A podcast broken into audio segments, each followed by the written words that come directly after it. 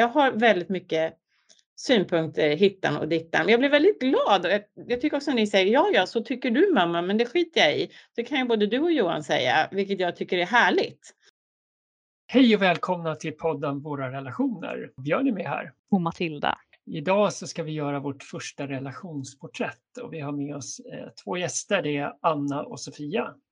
Och Anna och Sofia är mor och dotter och eh, ska berätta här för oss om eh, sin relation, hur den har varit men också hur den är idag och hur den har utvecklats genom tiden. Och eh, då kör vi igång vårt samtal och välkomnar Anna och Sofia.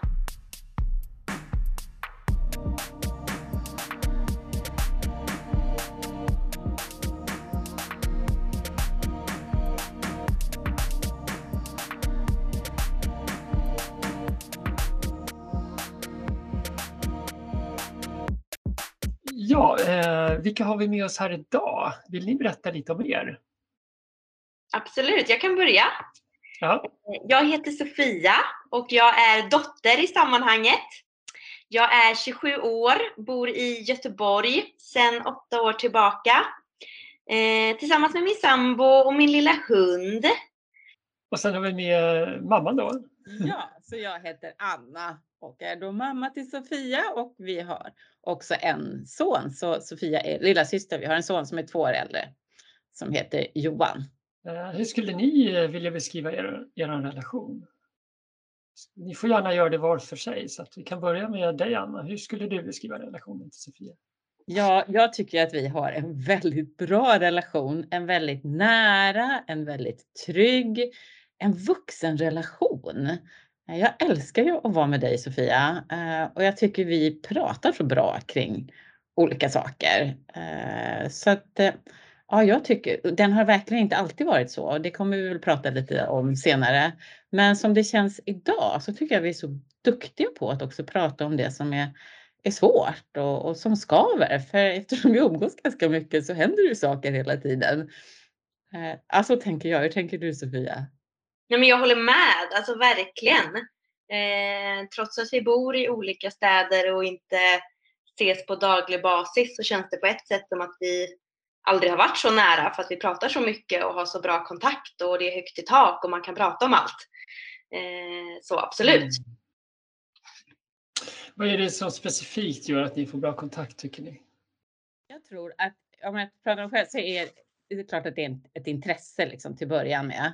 Att jag är otroligt intresserad av eh, dig och ditt liv och vad som händer. lite för intresserad tror jag. Det måste vi också prata lite om senare i podden. Var går gränsen för detta intresse och hur mycket får man lägga sig i sina barns liv? Det är ju en jätteintressant fråga. Eh, men eh, jag tror att alltså, det är den här eh, ja, raka kommuni tydliga kommunikationen som gör att, att det fungerar väldigt väl hos oss, mellan oss nu tycker jag. Ja, intresse och rak, tydlig kommunikation. Vad tänker du Mm. Sofia? Jag håller med. Jag tänker också, alltså du sa förut att vi har en vuxen relation. Eh, vilket jag håller med om samtidigt som på vissa plan så är det väldigt tydligt att det är en mor och dotterrelation i den formen av att 70% av våra samtal handlar om mig och jag, jag får vara i fokus och liksom ha någon som att ventilera med som jag vet är så intresserad av mig. Mm. Det är väldigt, eh, väldigt härligt att känna att man alltid har någon som vill lyssna och kan lyssna och som kan komma med råd. Eh, samtidigt som vi gillar att göra samma saker när vi ses. Eh, och vi har ju roligt ihop. Kan ni inte berätta lite mer vad ni gör då? Vad har ni för gemensamma intressen? Nej, men jag tycker mycket handlar om när vi ses att vi tycker mycket om att äta och dricka och det är mycket fokus kring det och det är verkligen gemensamt intresse för hela familjen. Eh, och gillar att upptäcka mat ihop också. Eh, så mycket det och sen så gillar vi både att vara ute i naturen och promenera och eh, ja, och spela spel. Vi spelar mycket kort. Mm. Vad gör vi mer mamma? Ja, vad gör vi mer? Vi har, det är det, alltså vi, vi har ju som förmån nu att för några år sedan så köpte vi ett hus i Skärhamn på Tjörn och där träffas vi liksom. Så vi har ett ställe att träffas och där då liksom åka ut med båten och ja, gå på och upptäcka färder på olika öar och vandra och så. Det älskar vi ju. Mm. Ja. Just det. Mm. Jag tänkte också fråga dig eh, Sofia, det här med gränser i relationen, alltså den här, eh, var går gränserna? Så? För ni sa ju att eh, det är mycket fokus på dig och så. Känner du att du liksom att inte Anna tar för mycket plats eller kommer in för mycket i ditt liv? Alltså vad känner du där när det gäller gränser? Ja, det är verkligen både positivt och kan vara negativt. För det mesta så är det positivt. Jag kan snarare känna när vi pratar att gud, nu har jag fått prata en timme på raken och jag vet inte ens vart mamma är. Alltså så här, vilken stad hon är när jag pratar med för jag har bara pratat om mig. Eh, så, och det är väldigt härligt. Det är inte många relationer man har eh, där det är så. Utan ofta så är det lite mer 50-50 kanske. Eh, men det tycker jag mest är positivt, att hon är intresserad och ställer frågor och man får prata mycket om sig själv och liksom ösa ut saker. Så. Eh, sen, sen de negativa aspekterna kan vara i och med att eh, jag gärna vill ha mammas råd och vill gärna höra hennes åsikter om saker och ting. Så blir det ju också när hon har åsikter som jag inte vill att hon ska ha åsikter om mina livsval att sen, nu har jag bestämt att jag ska åka på den här resan, resan eller jag funderar på att flytta in i den här lägenheten eller så. Eh, saker som jag bara vill informera om och egentligen inte ha en åsikt om kan hon ofta ge sin åsikt om. Och jag tar ju åt mig den och lyssnar mycket på den trots att jag kanske inte vill göra det. Ja. Mm. ja. Så att det är väldigt både och där. Hur hanterar du det? Eh, nej men, och det har jag haft jättesvårt att hantera. Jag tyckte att det varit jättejobbigt eh, och varit så här saker som jag verkligen har velat göra själv. Men så har jag hört att mamma inte tycker att det är en bra idé och då har det varit jobbigt. Eh, men det tycker jag också att vi har pratat bra om och jag har kommunicerat det till dig och jag märker att du tränar på det. Hur märks det? nej men ibland kan jag se att jag berättar någonting och så ser jag på henne att hon ler och så nickar hon så här. och så säger jag det här tycker inte hon är en bra idé men hon säger inte det nu. För att hon vet att det är jobbigt. Ah. Mm. Eh, Hur tänker du kring det Anna? Ja, jag tycker att det här är så intressant för att jag, jag vet med mig, alltså, och det var det jag sa att jag kan lägga mig i lite för mycket. Alltså, jag har väldigt mycket åsikter och alla mina nära vänner säger Anna, du är, är just lite gränslös, alltså back off. Eh, om vi ger ett konkret exempel nu, det här med, nu har ni precis köpt hus, men det har inte varit ett hus som jag har skickat till dig under den här eh, tiden, vad jag tycker ni ska köpa för hus. Jag har ju varit helt galen. Jag tycker att det här är så stor investering och det största beslutet och tycker inte ni har varit riktigt aktiva. Så jag har bara skickat så många hus. Är inte det här någonting då? Är inte det här någonting? Och där kan man ju tänka, ska jag hålla på så här? Nej, säger mina vänner, back off liksom. Det är deras husköp, lägg dig inte i. Och jag vet att jag har, har mycket åsikter om allting och det tror jag att du känner att jag vill väl, men det är liksom samma med skicka, är inte det här jobbet någonting att söka? Och liksom, jag har väldigt mycket synpunkter hittan och dittan. Jag blir väldigt glad och jag, jag tycker också att ni säger ja, ja, så tycker du mamma, men det skiter jag i. Det kan ju både du och Johan säga, vilket jag tycker är härligt. För då är det liksom, men vad bra. Men jag har så svårt att hålla inne med mina åsikter i frågor. Och, och jag kan verkligen förstå om det kan uppfattas liksom lite gränslöst. Eh, för jag får de signalerna inte bara av er utan av mina vänner också. Mm. Mm. Har det alltid varit så? Eh, båda nickar, kan jag säga. båda säger att det har varit så. Vad tänker ni Matilda och Björn när ni hör det? Eh, ja, det är väl säkert någonting man har med sig sedan lång tid tillbaka. Jag tänker att det är väldigt intressant att gå från en eh, man säger barn, vuxen relation, alltså förälder-barn-relation till att sen går över som du ni sa till en vuxen-vuxen relation. Hur gör man den övergången utan att få med sig kanske för mycket av det gamla om ni förstår vad jag menar. Man måste transformera sin relation när man gör det. Jag tänker också du Anna som känns ju som en självmedveten kvinna. Vad, liksom, vad är det för behov du har tror du när du är så här? Eller när du gör så? Ja, det är en jättebra fråga. Vad är det för behov jag har? Mm. Eh, och, och, ja, vad kan det vara för behov? Det är någon sån här känsla. Det mina vänner säger, det är som att du inte tror att de kan hitta sina jobb själva eller hitta sitt hus själva. Du talar ju om för dem att de inte är kapabla när du håller på sådär Anna. Eh, och jag tänker egentligen att ni är jättekapabla, men ni kan ju missa någonting. Ja. Jag vill ju så väl, men vilket behov är det jag har? Ja, jag har svårt att sätta ord på det. Vad, vad tänker ni? Vad är det, kan det vara för behov? Ko- eh, Kontrollbehov? Men jag vet Kanske, inte. eller jag vet inte. Kanske, det är spontant. Vad tycker du Sofia? Jag tänker att du inte vill att vi ska misslyckas. Ja. Att Mm. du inte vill att vi ska göra misstag. Så du vill gärna liksom tala om innan att nu är du på väg att göra ett misstag. Eller vi vill styra in dig på den här banan bara. Ja. Ja, ja, gud när ni har kommit med de där rucklarna till hus som ni vill köpa. Öh, känner jag då. det kommer inte bli bra. Mm. kan inte jag Mm. låta bli att säga det. Mm, istället för att säga, oh, det blir spännande renoveringsobjekt, jättekul. Just det. Just För det. vad, skulle hända, för vad skulle hända om de misslyckades då, tänker man? Ja, ja, Ja. precis, de blir fattiga. ja. Jo, jag tänker utifrån det här med gränser, hitta rätt gränser i den relation ni har nu, som ni beskrev själva som mer en vuxen, eh, vuxen relation. Jag tänker, hur tänker ni där kring att gå från liksom förälder-barn-relation till vuxen-vuxen och den transformeringen? Handlar det också om det här att få en annan syn på hur man eh, även har kring det här med gränser och hur man förhåller sig till varandra kring det? Eh, ja, ja, det är klart att jag skulle kunna behöva, jag kan behöva jobba på att, att eh, inte lägga mig i så mycket så, för det blir någon slags, klart att det är modersroll i det, men, men Är det så att ni har samtidigt både en vuxen-vuxen relation och ni har en, en barn, vux, barn-föräldraroll samtidigt på något sätt som ni växlar lite mellan? Är det så det blir eller? så känner jag det. Mm. Mm. Mm. Och jag vet inte, jag tror inte jag vill ha det på något annat sätt heller när jag tänker efter på saken. Mm. Att det behöver vara så. Ja. Ja, just det. Mm. Ja, som ni beskrev tidigare så kändes det som att ni har en förälder-barn-relation mycket utifrån att eh, Sofia får ta mycket plats och berätta om sitt liv och få mycket stöd av det, Anna. Det låter som att ni har mycket där, liksom, att det är inte är helt jämställt utan det är mera förälder-barn. Mm. Sen kanske i andra sammanhang så kanske ni får mera förälder, förälder eller vuxen-vuxen relation. Och mycket de samtalen vi har. Alltså jag pratar ju om samma saker med dig som jag gör med mina kompisar. Ja, precis. Det, det är lite det jag också känner. Ja. ja. Mm. Och också Mm. hur vi pratar kring saker tycker jag känns som är vuxen vuxen. Jag tänker på den här konflikten vi hade i somras här med hunden. Det är ett bra exempel på tycker jag.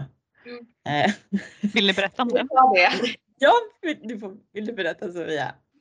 Eh, ja, jag kan berätta. Eh, vi hade en situation i somras där jag tog hand om en jourhund som inte hade något hem. Eh, och så skulle den bo hos mig och jag skulle ta hand om den tills den eh, skulle få ett nytt hem helt enkelt. Eh, och samtidigt som jag skulle ta hand om den så skulle vi dela boende på Tjörn en vecka.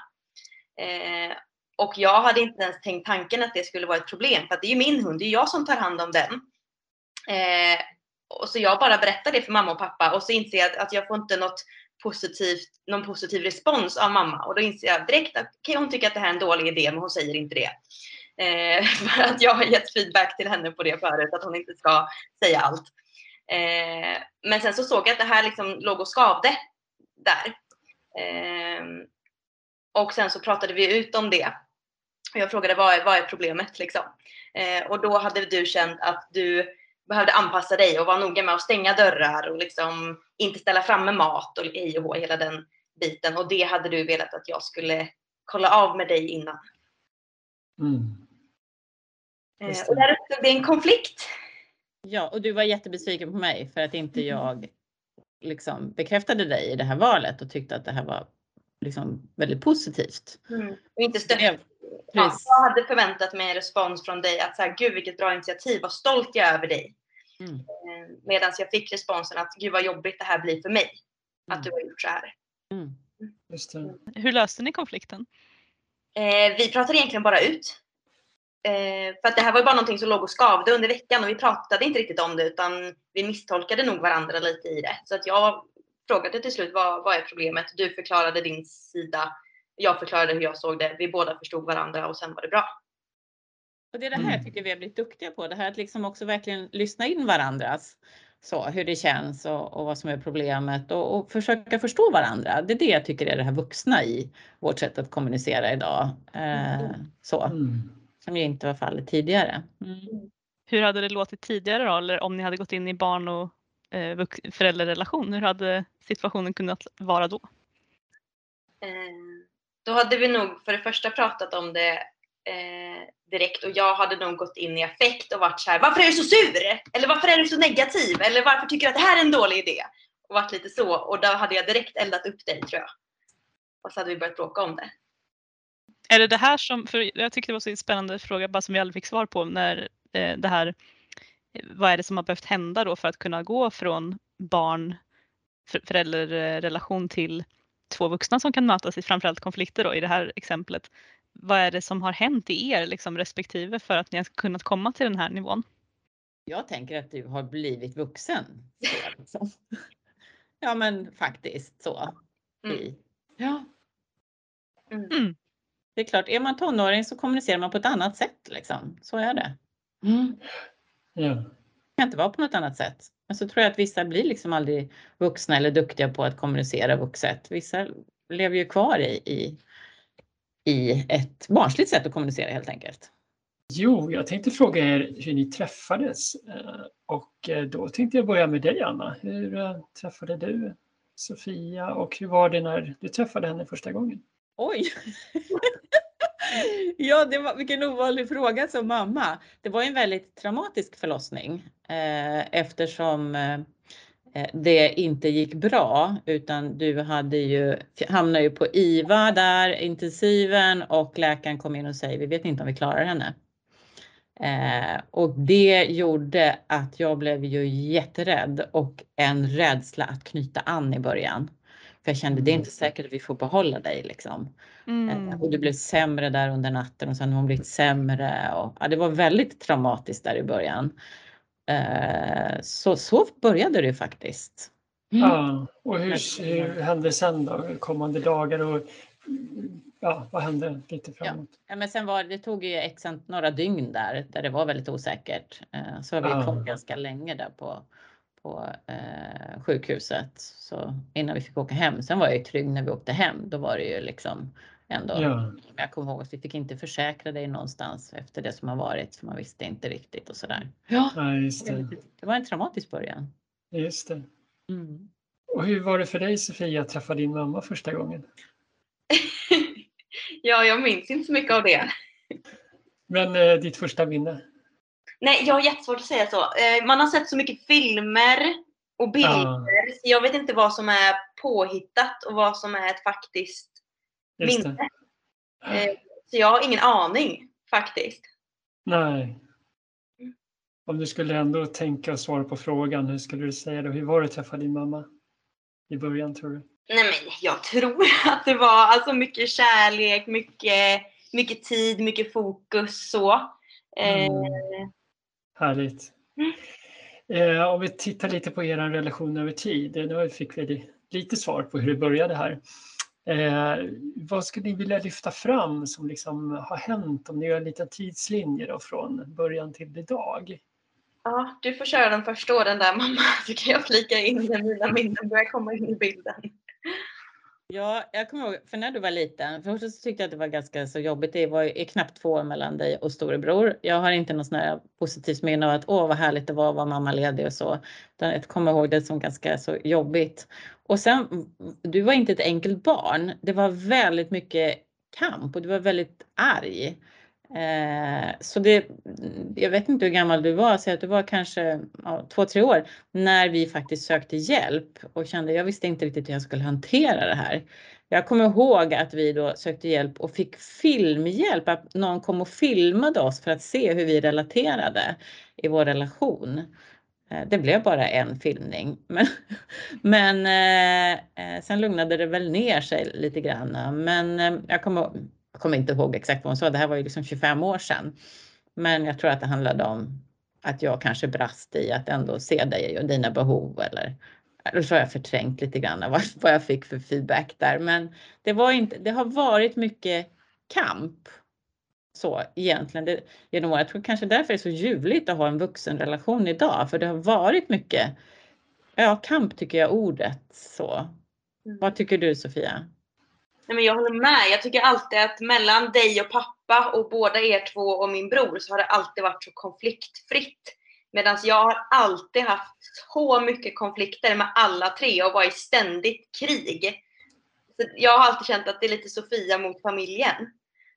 så. Mm. Eh, och vad det beror på är ju, vet inte. Jag tror att jag hade svårt för att bli tillsagd att du ska göra det här och det här. För att mycket bråk var så här, plocka undan din disk, ta upp dina grejer i trappan, städa ditt rum, gör det här.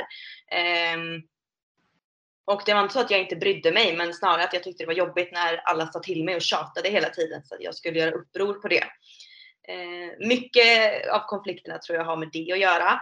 Eh, och sen när, man, när jag kom upp i tonåren så är det ju alla de här hormonerna och jag var väldigt arg och hade liksom behov av att få utlopp för min ilska. Eh, och det ledde också till mycket konflikter. Eh, ja. Och även du och din bror. Det var, ni liksom var ju väldigt få gånger ni, ni var liksom gulliga med varandra. Det var ju en sorg hos mig och Anders. Mm. Att inte ni var mer gulliga med varann. Utan det var bråk där också. Man såg på kompisarnas syskon som bara var gulliga och lekte med varann. Och så. Det var inte ni. Eh, utan ja, det är också först i vuxen ålder ni har mötts som vuxna. Mm. Mm. Hur länge höll det där på, alltså, Sofia? Din bild, eh, den här kampen och så, när började det förändras? Eh, nej men alltså jag tror att det förändrades först efter att jag flyttade hemifrån. Mm. Och hur gammal var du då? Ja, precis efter studenten, så 19. Ja. Så sen har det varit liksom i perioder säkert där vi har bråkat mer eller mindre. Men jag, alltså jag kommer, kan verkligen inte tänka en period där vi inte har bråkat. Alltså så här, en längre period som vi inte har haft konflikter hemma. Utan det har varit väldigt mycket tjafs och bråk. ja. Mm. Vad var det som gjorde att det blev en förändring då, förutom att du flyttade hemifrån där? Eh, Var det det som var det som Ja. påverkade eller var det annat också? Men jag tror alltså just de grejerna som var anledningen till att vi bråkade mycket var det här tjatet med att man bodde ihop och mycket liksom, alltså vardagssysslor. Eh, och sen att jag hade det här behovet av att få ut mina känslor på något sätt när jag var tonåring och hade mycket hormoner liksom. Och båda de grejerna lugnade sig när jag flyttade hemifrån. Sen var det en period precis när jag hade flyttat som vi inte alltså, hade lika mycket kontakt som vi har idag. Utan att det kanske var att ni mer ringde någon gång i veckan för att det ska man göra. Men att jag kanske inte hade samma behov eh, av att prata hela tiden. Eh, utan jag tycker att det är mer nu på senare år eh, som vi har den här jättebra relationen. Utan att det. kanske var någon liten frigörelseprocess där och få prova sina egna vingar och få lite distans från varandra. Mm. Mm. Skulle du säga att ni är olika då, ni i familjen? Är ni så olika? Är det därför ni krockar eller vad, vad handlar det om? Det är klart att vi är olika på vissa plan men eh, vi är också lika. Ja. Jag tror inte att det är så mycket det som har varit anledningen till att vi har haft konflikter. Nej, tror inte jag heller. Och jag tänker så här, ja, jag undrar, vi var dåliga på att möta den där ilskan hos dig. Eh, vi, ja, man tänker tillbaka, vad kunde man gjort annorlunda? Ehm, ja, jag vet inte. Men det blev ju att vi, vi, vi kampade för mycket liksom. V- Vad hade du behövt Sofia, tror du?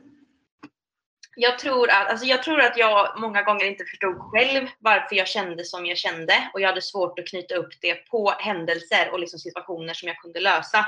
Eh, vilket gjorde att jag kanske blev arg över orimliga saker och då möttes man snarare av att så här, "Åh, nu är hon så där jobbig igen, himla lite med ögonen och kollar på den andra familjemedlemmen. Och då gör man, blir man ju ännu mer, känner man sig ännu mer utanför och onormal och blir ännu argare.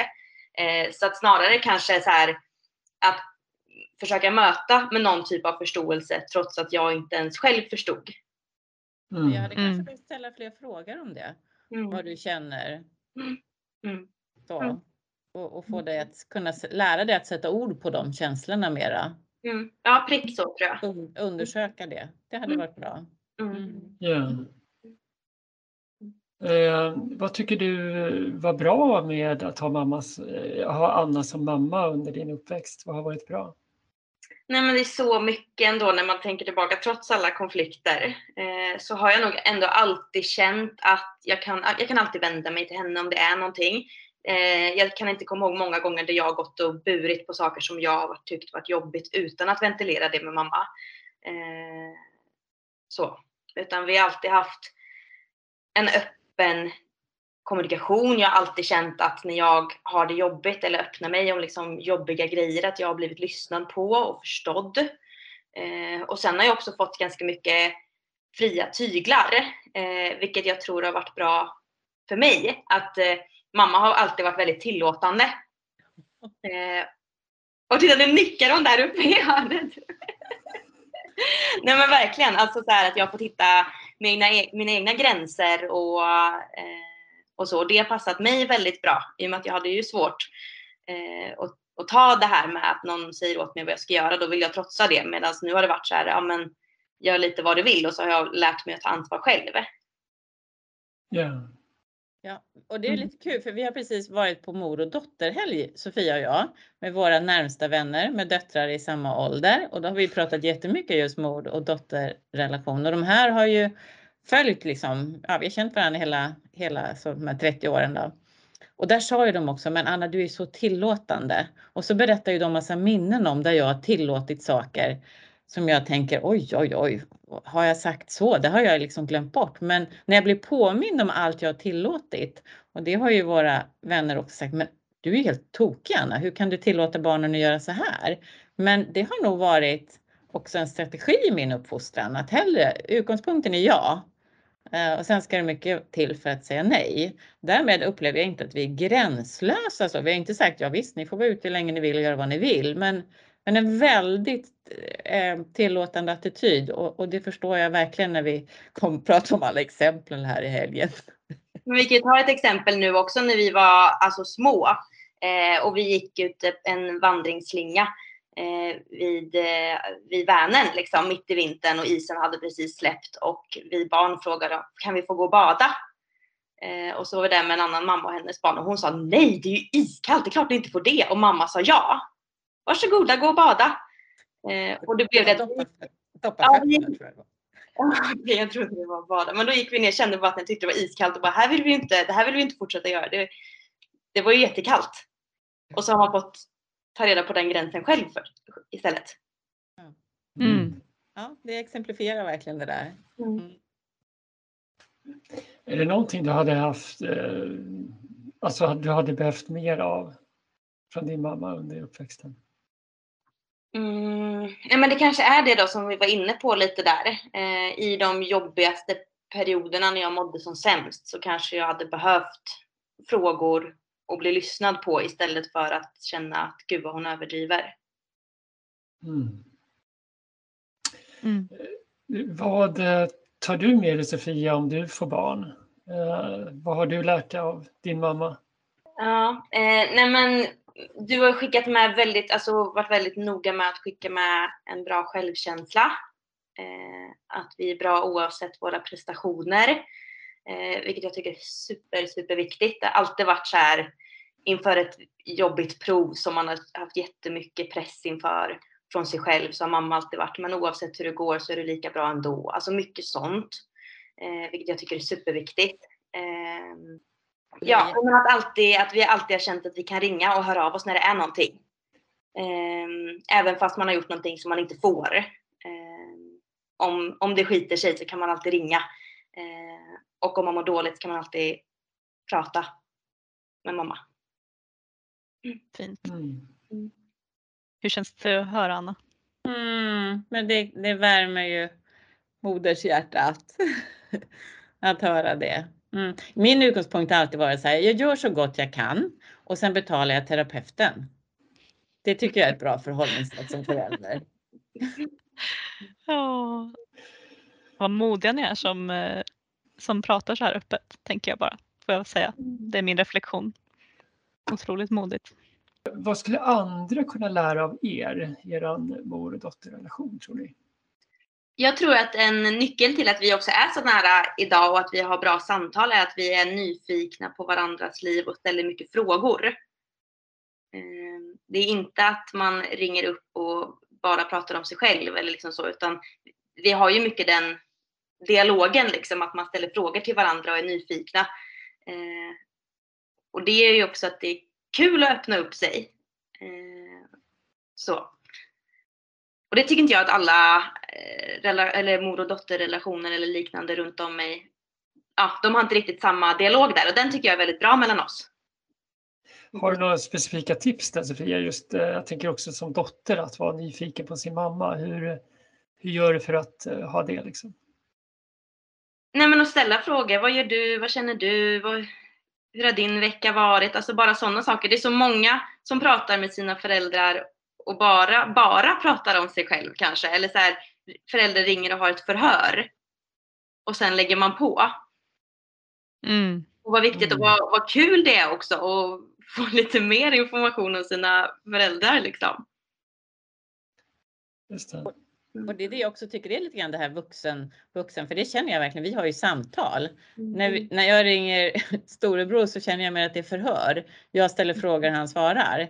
Medan du bara, ja men hur gick det med det där? Och hur har det gått med den där? Och nu var du iväg på det, hur blev det? Alltså vi samtalar ju verkligen, känner jag. Mm. Och så här, hur är det med dina kompisar och som jag också känner, hur mår de? Mm. Jag pratade med den sist. Och, mm. Mm. Mm. Eh, just där specifikt Anna, är det någonting du kan lära dig just av relationen till din dotter som du kan liksom använda då med din son? Alltså hur får man igång en dialog egentligen som förälder med sitt barn? Så att det inte blir förhör alltså. Ja, precis. Ja, min utgångspunkt är alltid att jag kan bara ta ansvar för min del i kommunikationen. Eh, sen måste den andra ta ansvar för det. Sen kan vi behöva metakommunicera, prata om pratet. Så, hur upplever vi det här och vad är det jag längtar efter att du ska göra med er i vår kommunikation? Eh, det kan vi göra. Sen så kan man inte göra så mycket mer, tänker jag. Eh, Kan man ha sån här metakommunikation med sina barn? Tycker du funkar det? Det tycker jag fungerar jättebra. Ja, Mm. absolut. Mm. Nu upplever jag det så här. Vad händer här och så där. Ja. Mm. Ja. Bara för att jag är nyfiken nu då, har ni behövt liksom ta hjälp utifrån för att komma dit eller har ni bara övat tillsammans eller har ni fått något stöd? Nej, vi har bara övat va? Och så är det så roligt nu. eh, Det är lite kul nu när vi har gått parkursen. Så de här övningarna och det som vi lärde oss. De har jag då skickat till Sofia. Och så har ni relationsarbetat här nu, du och din partner. Alltså det är ju så spännande. Och så kan vi prata om de här sakerna. Och vad, hur gick det och vad blev det? Och, ah, gud, det är jättespännande. Ja. ja men verkligen, det är så lyxigt att man liksom har en relationsexpert i familjen som älskar att hjälpa till och skicka övningar och sånt. Det är jättebra. I vilka fall tror ni att man behöver ta hjälp av en annan eh, extern part eh, i mor och dotterrelation? I vilka fall skulle det kunna vara? Nej men det kan väl säkert vara jättemånga fall och jättemånga olika situationer som har hänt. Eh, alltså antingen om det verkligen har hänt någonting eh, och man inte kommer förbi ett problem. Eh, eller om ens bara kommunikation inte funkar, om det bara är den ena som vill prata kanske eller om den, ja. Mm. Ja. Jag är så fylld nu av en eh, bok som jag precis har lyssnat på som heter Svärmodern av Moa Herngren. Där då sonen gör slut med sin mamma. Säger jag orkar inte vara med dig. Eh, du är inte bra för mig och mitt liv. Och så har, de, har han också, ja, hon har ett barnbarn. Och när jag läser den så kan jag liksom få, jag kan känna lite så här ångest. Gud, tänk om något av mina barn skulle göra, tänk om jag säger så mycket dumt eller beter mig dumt så att ni vill göra slut med mig. Den är så fasansfull och i den där boken skriver de också, är det inte värre att barn gör slut med en än att ett barn dör? För dör de så finns de inte, men om de gör slut så, så finns de ju, men vill bara inte vara med mig och inte släppa in mig i mitt liv. Den, den rädslan liksom när jag läste det här kände att det skulle vara absolut det värsta som skulle kunna tänkas hända mig faktiskt. Eh, utan jag är tvärtom, jag tycker att vi ska bo liksom i samma hus och, och, och så här generationsboende. Och, och, liksom, och, då- och då säger din sambo väldigt gulligt, nej men kanske ett kvarter emellan. och och då, då tänker jag, jag skulle aldrig vilja bo i samma hus som mina föräldrar eller mina svärföräldrar. Så det är något väldigt klokt. Men, men eh, ja, för att bara beskriva lite känslan. Så. Har du reflekterat Anna över att eh, Sofia faktiskt har flyttat till Göteborg? Det är en bit från Karlstad. Men hon flyttar säkert efter. Ja, kan man flytta efter vet du. Ja. Okej.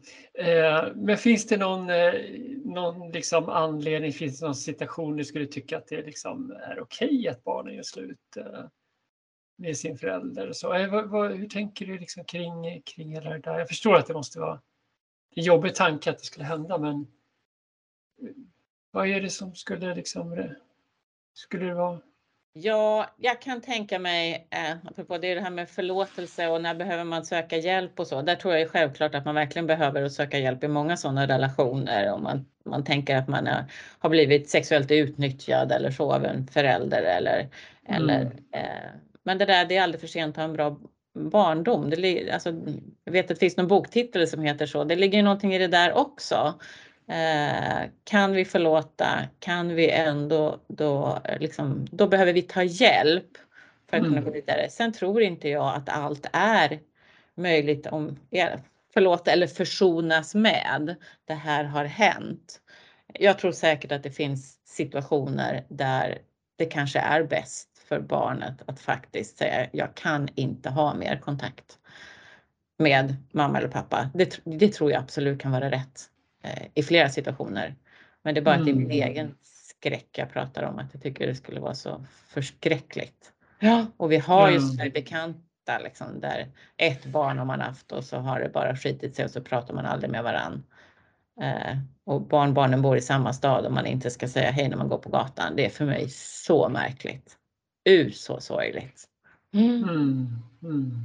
Jag tänker på det här äh, eftersom jag själv också har, äh, ja men jag är dotter till en mamma. jag tänker på det här när man äh, börjar spegla sig lite i sin förälder och börjar märka hur lik man är eller hur olik man är också kanske. Men hur känner du där Sofia? Har du liksom behövt tampas lite med att spegla dig i Anna nu när du är vuxen eller hur, hur har du sett på det? Ja, men absolut, mycket vill jag nog gärna kunna spegla mig och strävar efter att kunna spegla mig i många egenskaper. Eh, men sen kan jag ju också märka att jag har tendenser av att lägga mig i för mycket eh, i typ min sambos liv och där känner jag att jag får panik. Att jag känner igen det från min mamma och det måste jag tygla genast för hur blir det om jag får barn liksom. Ehm, men absolut, och, men de allra flesta egenskaperna tycker jag som jag känner igen att jag har från mamma tycker jag är positiva. Mm. Mm, och vill mm. träna på att utveckla. Min man säger det, när min man säger till mig, nu låter du som din mamma, då är det inte en komplimang. Utan, så mm, vi får se när Krille säger det. hur kan man lära sig, hur, hur, kan man liksom, eh, jag har också verkligen lärt mig och att eh, börja älska de sidorna som man själv har svårt för, att som man kanske ser då i, i sin mamma. Och hur gör du? Vad har du för tips till den som lyssnar Sofia på att börja lära sig att, eller för dig, din del också Anna, vad, vad, vad kan man göra för att börja acceptera och älskar de sidorna, även de svåra och mörkare sidorna kanske. Oj, jag tänker nog inte att jag ska lära mig att acceptera dem utan snarare träna bort dem. Men det är de här få, alltså det är inte några, det är liksom den här egenskapen som jag kan komma, komma på att jag har. Eh, och den vill jag inte ha. Så där har jag inga tips. Noll acceptans. jag tänker att det, det här med eh, också ett annat spår. Men hur mycket kontakt ska man ha? Vad, vad är normalt? Eh, och jag frågar egentligen till Björn och Matilda här, eh, om jag får ställa den till er. Finns, finns det någon sån normalitet tycker ni? För vi har ju pratat lite grann om det här Sofia, du och jag, och jämfört lite. Hur mycket kontakt vill vi ha och dina kompisar och sådär. Vad tänker ni där Björn och Matilda? Ja, alltså jag tänker att eh, det jag har sett i min uppväxt är att man hörs varje dag. Eh, även om det bara är att man checkar in och frågar vad man åt till middag och vad man sett på TV.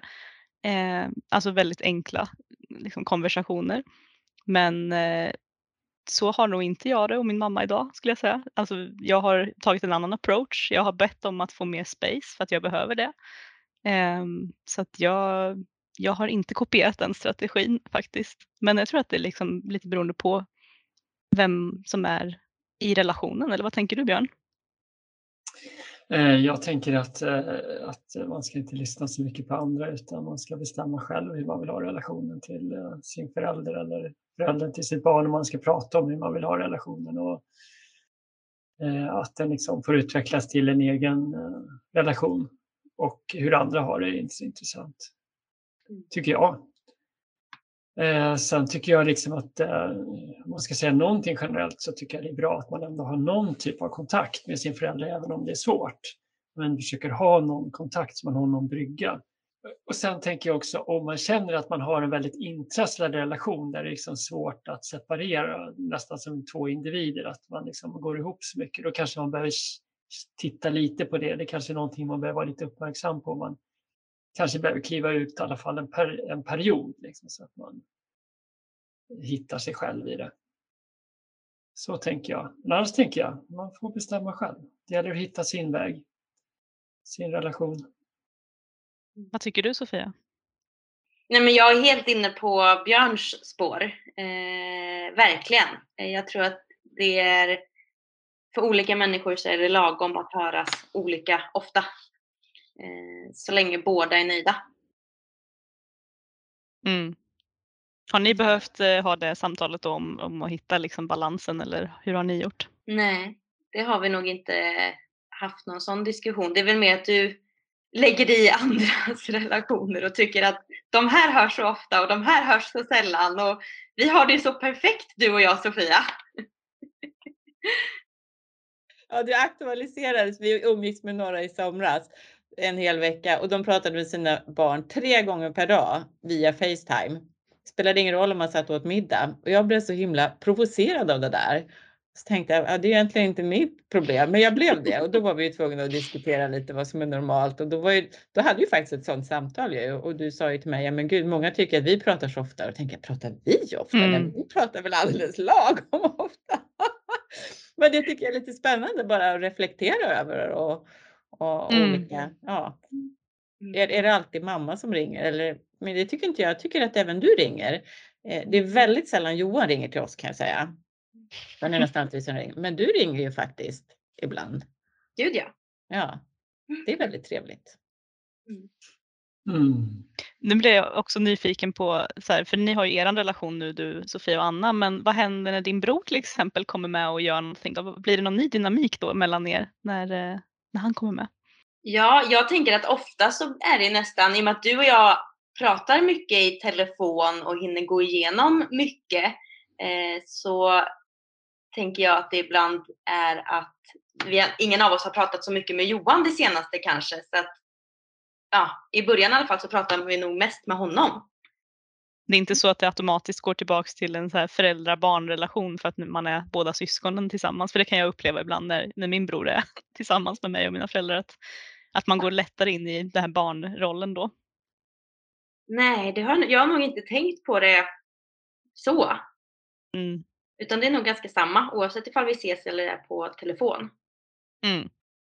Man, man, skulle kunna tro att det har varit en jämn eh, relation under en lång tid och att det har varit väldigt tryggt och eh, lugnt under din uppväxt Sofia. Eh, det hade kanske varit min fördom om det här men tvärtom låter det som att ni verkligen har fått tampas med mycket olika saker under din uppväxt och jag blir väldigt berörd när jag hör den historien faktiskt och och även för dig Anna, att alltså, bara kunna berätta det så öppet är väldigt modigt, tycker jag. Att ni inte haft det så lätt, men att det har blivit bra med åren. Det ger ju också mycket hopp, tänker jag. Ja, jag tänker också lite samma där och jag tycker det är rätt intressant att oavsett kanske vilken uppväxt man haft där man har varit mindre då så att säga så det kan ju vara nästan hypotesen tvärtom också, att just att man haft vissa svårigheter och sådär så, så kan det också, det behöver inte vara en belastning sen. Alltså, det behöver inte hänga ihop på något sätt utan det, det kan bli annorlunda just som, som det upplevt i det här fallet när man liksom separerar sig från den miljön och också kliver in i en annan situation och som Sofia flyttar hemifrån så då kan man liksom hitta en annan relation när det sker också. Men, men det som jag känner är en väldig kvalitet i en relation, både utifrån att ni också är med i podden och pratar om det och som har säger sig så öppet och så. Det är att det känns som att ni har en väldigt transparent relation där ni liksom också kan kommunicera och eh, berätta saker och så. Och det känns som att ni också kan i det sätta gränser för varandra och det är det som jag känner väldigt kvalitet, att ni har det där eh, som jag upplever och kunna lyssna på varandra och också göra förändringar när, när den andra har behov av det. det. Det är det jag hör. Och också enormt mycket självdistans till sina egna brister. Och, och att det kanske också gör att man, ja men, det, även om man är självmedveten så kan man ju bära på mycket kanske skam kring det eller att man inte vågar titta på det. Men det känns som att, jag tänker bara hur du berättar Anna om hur det här liksom, att det kan upplevas gränslöst och att, eh, liksom, att du är för på och för, vill för mycket. Att, att du liksom äger det verkligen, att du står i det och vet med dig att det är så och att Sofia får känna vad hon vill kring det utan att det gör dig till en dålig mamma liksom, utan att, att det här är bara så det är och att det kan vara väldigt inspirerande tänker jag också. Att stå i det. Roligt att höra, spännande. Vad roligt att vi fick vara med. Ja, eh, jag, jag är lite knockad faktiskt. Jag tycker det var Mm. jättemysigt. Väldigt fint samtal. Och innan vi avslutar skulle jag vilja ha en, en, ställa en fråga till också. Eh, och ni kan få svara på den här båda två, så att säga, oberoende av varandra. Eh, frågan är så här, om er relation var en tidningsrubrik, ni tänker som man liksom ser på stan så där, vad skulle det stå på den? Värme, kärlek och tillit. Håller du med Sofia eller vill du ha din egen rubrik? Eh, nej men den var väl jättebra. Absolut. Eller kärlek, högt i tak. Ja. Mm. Mm, vilken fin löpsedel. Jag tror att det finns så otroligt många eh, döttrar och mödrar som kämpar precis som ni har kämpat förr och kanske även kämpar ibland idag med att liksom ha en vuxen relation. Eh, jag är en av dem. Hitta den där balansen mellan att, eh, att kunna mötas liksom där man vill vara i sitt hö- högsta jag, i sitt bästa jag och vara nyfiken på sin mamma och hennes liv och nyfiken på hennes känslor och inte bara stå i sina egna behov som barn och att, eh, ja, men att få både bli sedd och hörd eh, som individ liksom, och samtidigt kunna få vara barn och bara få krypa upp och få stöd och allt det där som man fick när man var liten. Och, och jag tänker också att det finns många som kanske aldrig haft det stödet hos sin mamma och som bara längtar så mycket efter det och kanske har en annan eh, liksom upplevelse av eh, det ni har pratat om. Och, men jag tänker att då, då finns det också mycket intressanta saker att hämta ur det här samtalet. Att, att eh, även om det har varit jättesvårt väldigt länge så kan man vända på det. Eh, tillsammans eller med hjälp. Mm. Och jag tror att det kan vara, det tycker jag är behållningen i det här samtalet, att det inte bara har varit guld och gröna skogar hela tiden utan att ni delar med er av det som har varit svårt och smärtsamt också. Mm. Mm. Jag tycker också att det var jätteroligt att få vara med. Det här att vi får prata. Ja. efter. Ja, precis. Mm. Mm. Mm. Mm. Ja, vi Mm. får verkligen tacka så himla mycket för er tid och för att ni var så himla sårbara och modiga att komma och berätta om er relation, er historia och ge, ge en röst till den. Verkligen, det var jättefint att prata med er. Det gav mig jättemycket, så att, jättekul. Tack för att vi fick vara med. Ja. Du har lyssnat på relationsporträttet med Anna och Sofia, mor och dotter och eh, Vår tanke med att göra relationsporträtt det är att vi intervjuar olika par som har olika typer av relationer och eh, får deras erfarenhet av hur det är att vara i relation. Ja, och vi vill porträttera alla möjliga olika typer av relationer och inte bara de mest normativa heller, utan vi vill gärna försöka att beskriva olika typer av relationer. Så om du eh, känner någon som du tror skulle passa bra att vara med i podden så vill vi jättegärna ha tips på både par och andra typer av relationer. Vi tackar dig för att du tog dig tid.